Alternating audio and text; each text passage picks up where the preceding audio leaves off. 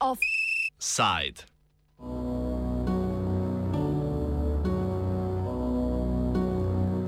Zavrnitev Dukeja.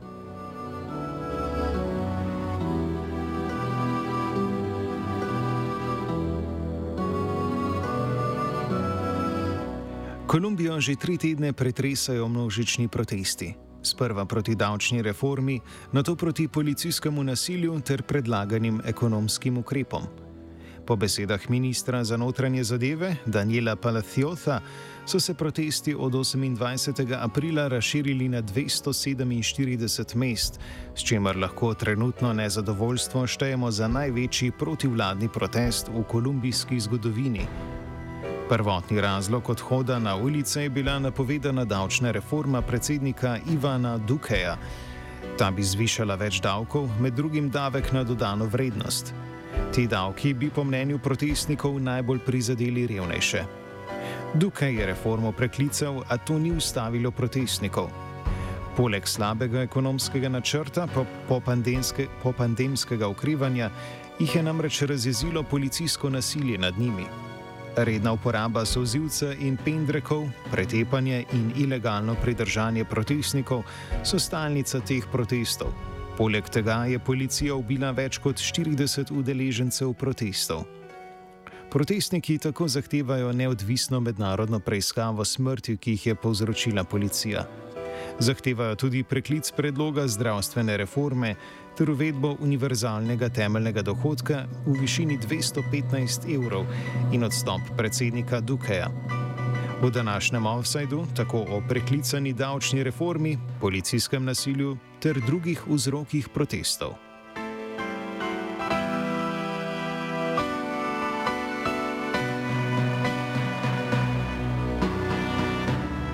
28. aprila so protestniki začeli stavkati pod organizacijo Nacionalnega komiteja za stavke, ki ga sestavljajo večji sindikati. Protest je bil v nasprotju z vladnim odlokom, ki zaradi epidemije prepoveduje proteste. Protestniška parola se je glasila: Za življenje, mir, za demokracijo in proti Dukejevemu paketazu. Mišljen je paket varčevalnih ukrepov vse bolj nepriljubljenega predsednika Ivana Dukeja. Prvotna iskra protestov je bila predlagana davčna reforma, ki je del tega paketa. Reforma bi zvišala davke, med drugim DDV, kar je predsednik pospremil z besedami: Ta reforma ni modna muha, je nujna za ohranitev socialnih programov med katere spada naprimer nadomestilo za brezposelnost, ki je trenutno 16 odstotna, kar je 7 odstotnih točk višja kakor pred pandemijo. Protestniki so opozarjali, da bi takšen dvig davkov najbolj prizadel revnejše ljudi in srednji razred.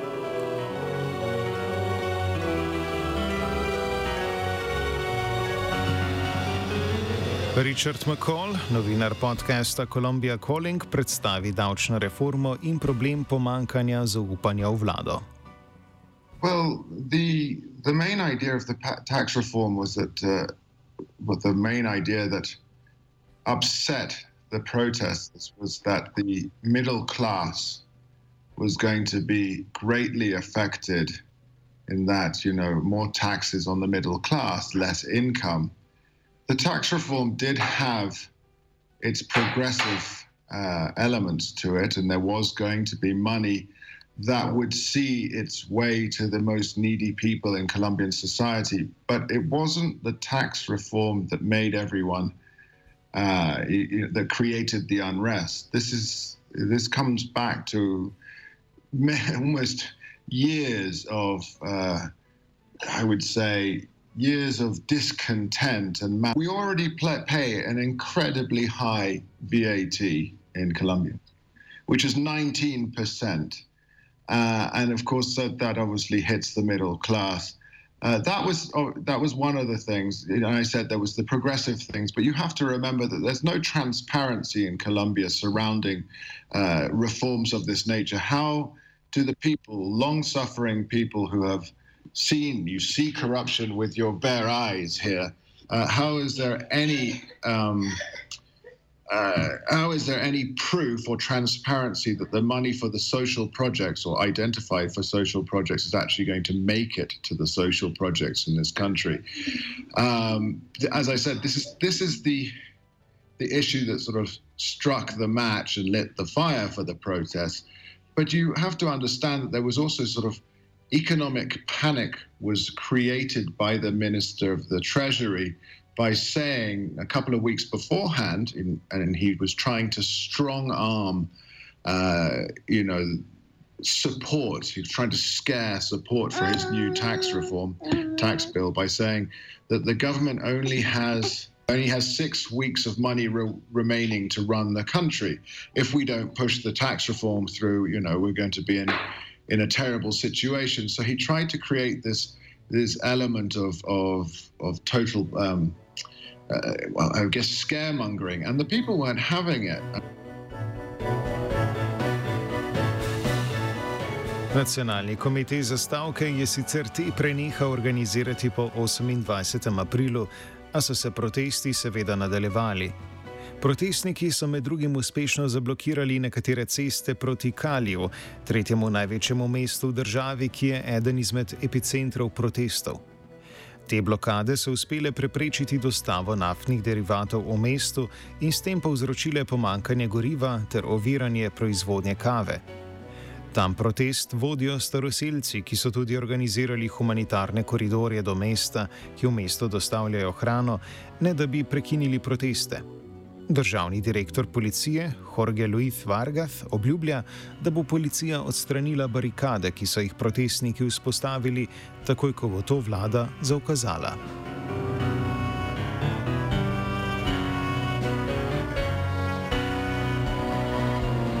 Protestniki so starostno gledano predvsem mladi, glede zahtev pa se razlikujejo v skladu s potrebami svojega razreda, geografske lokacije in etnične pripadnosti. McCall o raznolikih zahtevah protestnikov. We've also got people in the south of Bogota. South Bogota is a traditionally more um, working class district, and they are now protesting at uh, different areas.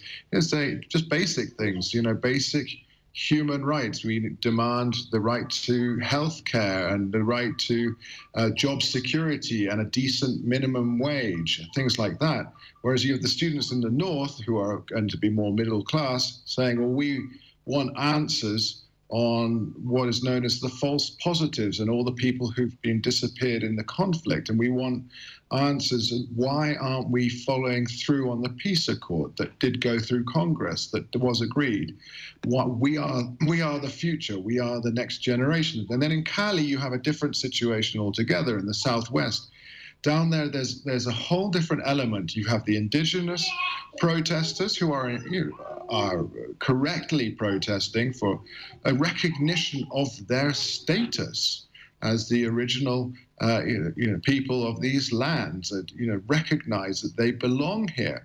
And there is an extreme degree of racism towards the indigenous people, in particular in these areas such as Southwest and, and Cali and Cali and so on. Uh, well, you also have very, very uh, working class people in what we would call a, a, a invasiones, so sort of um, poor uh, neighborhoods who are protesting because they've just never had the right to anything. And any uh, political decision in Colombia does not have them at their center, when, of course, these are the people who are most in need. So you have different pockets uh, of, of protests uh, springing up, and of course, this makes it much more difficult for the for the government to uh, understand and to negotiate.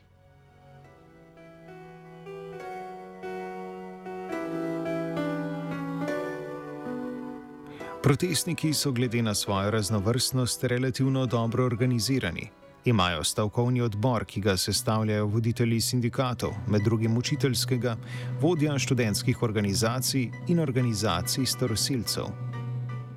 It's becoming more organized. It's very interesting. At the beginning, it wasn't particularly organized, it was far more fluid. Um, but they are picking up from, they are, they are picking up from. Uh, uh, November 2019 when there were very well organized uh, demonstrations. You know, so so they're kind of finding those groups once again, and people are finding their voices for different uh, different policies and different uh, demands within the protest itself. Uh, you get you've got the student groups, you've got the central workers unions, you've got the teachers unions, who are all organising these things. That you've got the truck drivers unions, transport unions, they're organising, but they are somewhat apart. You know, this is this is what's made it very difficult for the government. How are you going to negotiate with all these different groups? And of course, they'd love to negotiate with one group as if it was an um, umbrella organisation, but the youth are not represented, for example, by the workers' union. And the workers' union kind of takes the mantle at the moment as the central, uh, um, what would you say, is the central point for negotiations.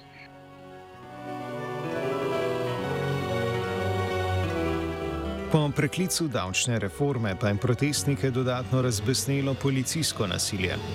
Policija je na 25 napadov na policijske postaje in 580 poškodovanih policistov odgovorila s povsem nesorazmernim nasiljem. Tembloreth, kolumbijska nevladna organizacija, poroča o 1800 primerih uporabe policijskega nasilja od začetka protestov 28. aprila. Zaradi policijskega nasilja je po uradnih podatkih notranjega ministra umrlo 11 ljudi, Pisarna varuha človekovih pravic poroča o več kot 40 ljudeh ubitih zaradi policijskega nasilja ter mnogo ranjenih. Poleg tega je več kot 100 ljudi izginilo, kar pomeni, da jih je policija aretirala ter jih nelegalno zadržuje na neznanih lokacijah.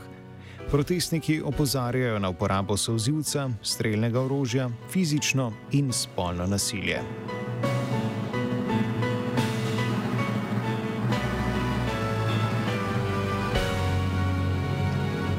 Študentske organizacije in stranke levega političnega pola so že dolgo zahtevali, naj bo policija predstavljena izpod okrilja Ministrstva za obrambo, naj bo uporaba smrtnega orožja med protesti prepovedana, ter naj bo policistom sojeno na sodiščih za civiliste in ne na vojaških. Makol predstavi glavno zahtevo protestnikov, torej premestitev policije pod nadzor Ministrstva za notranje zadeve izpod obramnega ministrstva. Well, the fundamental problem is that the police in Colombia are in the control of the Ministry of Defense, so that they are grouped together with the military. And so the police, over the period of the conflict, have been used as a defense force. Uh, it's a kind of uh, they've been used equal to the military in terms of combating the guerrillas in, in all of these, you know, in 52 odd years or whenever that uh, uh, that decision came about. The police are, uh, therefore approached the protests as if it were a problem of security and not a problem of social unrest.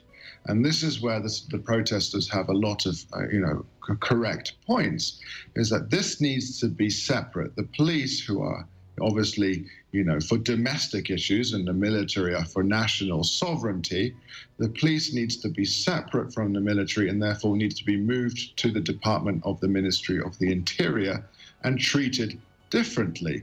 Now, what you have is when you have police brutality and cases of this nature, what will happen is that the police do not get judged, or do not get tried in a uh, ordinary civilian court, they will get tried in a military tribunal court, and usually they get a softer, more lenient sentence.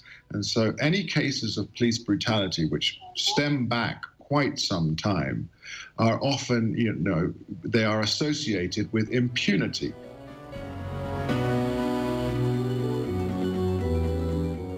Kolumbijska policija je namreč ravno zaradi več desetletnih spopadov s karteli, Farkom in desnimi paravojaškimi milicami močno militarizirana. Mnogi pretekli zločini policije so šele sedaj preiskovani. Mirovni dogovor s Farkom iz leta 2016 je med drugim zahteval preiskavo policijskih zločinov v času državljanske vojne med stranima. Poročilo posebnega sodišča za mir poroča, da so varnostne sile, torej tudi policija, med državljansko vojno med 2002 in 2008 ubile 6402 prebivalca z namenom zvišanja svojega števila ubitih.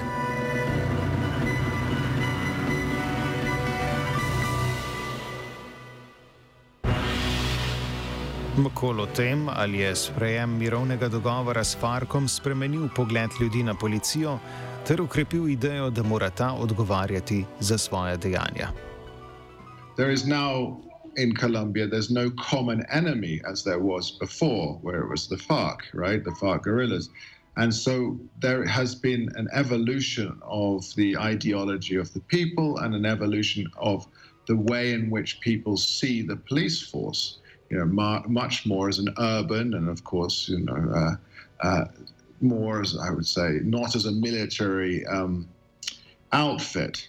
Previously, you would have seen them more as a, as a military outfit. Now that we have taken one of these huge, you know, guerrilla groups out of this equation, the police force as well needs to evolve. And I think that's what you see the knowledge from the students and the youth out there is hang on a second, they're still treating us as if we were criminals and guerrillas and you know uh, narco traffickers when in, in truth we are you know, protesting social inequality in this country. So I think over the last few years since 2016, I think it dates back to 1991 when the, the, last constitution was brought in. But since 2016, with the accords taking place, The society has evolved, but the police force hasn't.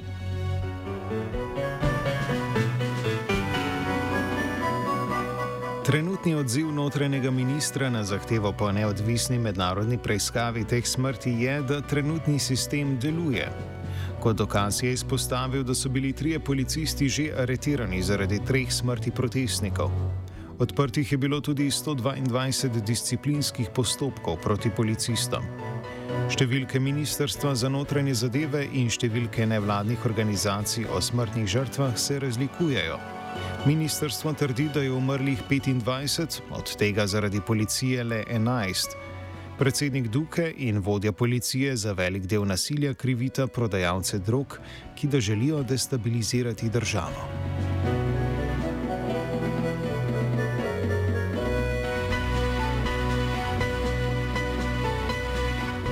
Predsednik Duke je protestnikom ponudil nacionalni dialog, srečanje med vlado in prote predstavniki protestnikov na osnovi skupnega patriotizma in ne na podlagi ideologije. Srečanje s predstavniki sindikatov se je že zgodilo prejšnji teden. Makol negativno oceni Dukejevo vodenje pogajanj. Fundamental problem is that the president hasn't really shown his face. In Cali, in the southwest, 22 people were killed. In, in, in skirmishes, not including any any police officers. One police officer has been killed in the in all of these protests, and that was in out just outside of Bogota. Um, but the president hasn't shown his face. He hasn't gone out really. I mean, he, he turned up in Cali briefly, uh, but he hasn't gone out to, to talk to the people. He's remained in the presidential palace. He's calling for meetings in the presidential palace. And so he, he's taking this very aggressive, I would say, method of negotiation when there needs to be some way of placating a very, very angry public. I mean, it's it's very uh, aggressive here right now. You can feel a tension. He offered free education, free tuition for students of low income. Of course, this doesn't come into play until after the elections, and he can't run again, the current president, because of the constitutional uh, rules. Um, and we still don't know how that will happen. It was like, okay, well, we're going to do this. We'll offer free tuition. This is great. In a normal circumstance, this would have eased the pressure in a normal, but this is not a normal circumstance. Uh, the momentum is with the protesters. So for the future, the government, which has 15 months left on its mandate before the next elections, everything now is it, that, that, that is being done politically is with one eye on the elections in, uh, I guess the first round is in May 2022, and the second round in June 2022, uh, if it goes to a second. Čez 15 mesecev bodo predsedniške in parlamentarne volitve. Duke pa zaradi omejitve števila mandatov ne more ponovno kandidirati. Bolj kot Duke bo usodo desnice na teh volitvah krojil nekdani predsednik Alvaro Uribe, ki je državo vodil med letoma 2002 in 2010 in je še vedno izredno vpliven. Trenutno njegovo politično računico vodi predvsem sodni proces, v katerem je obtožen prijemanja podkupnin. Uribe is very much a kingmaker politically and has a, a huge uh, sway in the country, remembered fondly by many sectors for having made uh, the country, in inverted commas, safe again and having knocked the guerrillas back to their sort of weakest ebb. So a lot depends on what he says and how he manages things in these coming months. Now, for him, the most important thing is staying out of jail. That's that's his thing. And because he commands so much authority around the country, at the moment there's all sorts of machinations behind the scenes. We don't really have traditional parties anymore in Colombia. Sure, there's the old Conservative Party and the old Liberal Party, but these now all make up um, coalitions in order to win elections. So it ends up being relationships of convenience between parties to help uh, any president gain a majority in Congress. So you've got parties like the Cambio Radical, Radical Change, the Centro Democrático, which is of course the president's party. They're not looking like they're going to do very well in this in this election because he will, you know, they will forever be associated with this current president, and Uribe's popularity is on the decrease as well. So you know that even though he commands a lot of votes, he will be looking around behind the scenes. Politično ozračje bo v Kolumbiji nedvomno ostalo razgreto, saj morajo kandidati na predsedniških volitvah že zdaj objaviti svoje kandidature. Na desnici to pomeni predvsem iskanje podpore Uribeja. And Uribe is very, you know, he's, he's like a political chameleon in this respect. he will throw Duque, uh, the current president, under the bus if right now if he thinks that he can, you know, back another winner in return for getting a fiscal general, someone in charge of the legal system in Colombia, you know, who, who supports him and his policies. You have to think that's what's going on behind the scenes. There's still two weeks remaining before people have to declare their uh, if they're running or not. There are two weeks remaining. If they if they are in political high-ranking political positions, they'll need to resign from those, and so that includes the current vice president Marta Lucia Ramirez, who is who always considers running. She will have to resign within two weeks. She would be looking for an Uribista backer. So to get uh, Alvaro Uribe's uh, blessing, let's say, or patronage, it's unlikely he would back her. We don't know exactly. The Centro Democrático are looking for someone who is right wing but who can market himself as more central. And that looks to be Oscar Ivan Zuluaga, who narrowly lost against President Santos in the second, uh, Santos's second term a few years ago. He's trying to mold himself as a, uh, as a centralist. Possible that Uribe might back him. On the coast, you've got the Char family, a very wealthy, very politically influential family who could command all the votes on the on the Caribbean coast. Again, a huge uh, vote voting segment. So we'll be looking around to see who comes through, what party they might represent, and how they'll string together a coalition.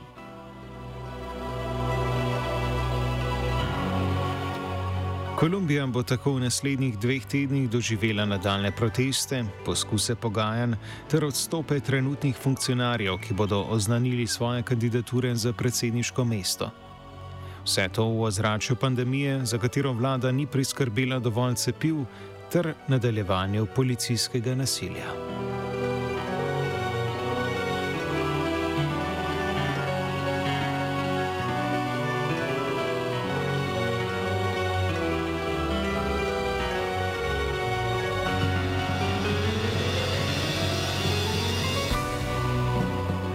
Offside sta pripravila Gea in Gal.